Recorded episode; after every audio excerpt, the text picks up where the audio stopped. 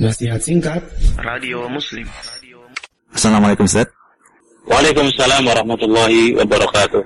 Izin bertanya Ustaz, apakah berdosa kita sebagai orang tua memberikan hadiah kepada anak berupa uang jajan agar anak mau memperbanyak membaca Al-Quran Ustaz? Jazakallah khairan. Iya, uh, tarhib wa tarhib ya, jadi ada motivasi dan ada ancaman ini menjadi juga penting ya dalam kita memperhatikan amal soleh itu sendiri. Ya asal tidak kemudian uh, hanya itu, artinya anak itu kemudian apa ya? Terkadang ada yang kemudian demi itu gitu, ya. Memang orang tua uh, niatnya baik, memberikan sebuah motivasi dan memberikan hadiah ini dan itu, tapi jangan sampai anak itu cuma gara-gara itu dia beramal. Kita berikan penjelasan dari sisi yang lain.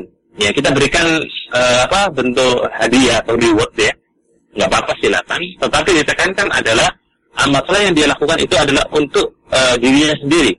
Dan karena Allah Subhanahu wa taala itu ditambahkan di sifat seperti itu. Tapi kalau memberikan motivasi, tajib ya, kemudian memberikan tarhib ya, uh, itu silakan silakan saja. Ya, karena dengan demikian anak itu akan termotivasi untuk beramal. Tapi disampaikan juga di sisi yang lain bahwa amal soleh yang dilakukan itu bukan hanya untuk itu, tapi juga untuk Allah Subhanahu Wa Taala. Niat karena Allah dan uh, amal kembali pada dirinya sendiri. نعم والله أعلم بالسؤال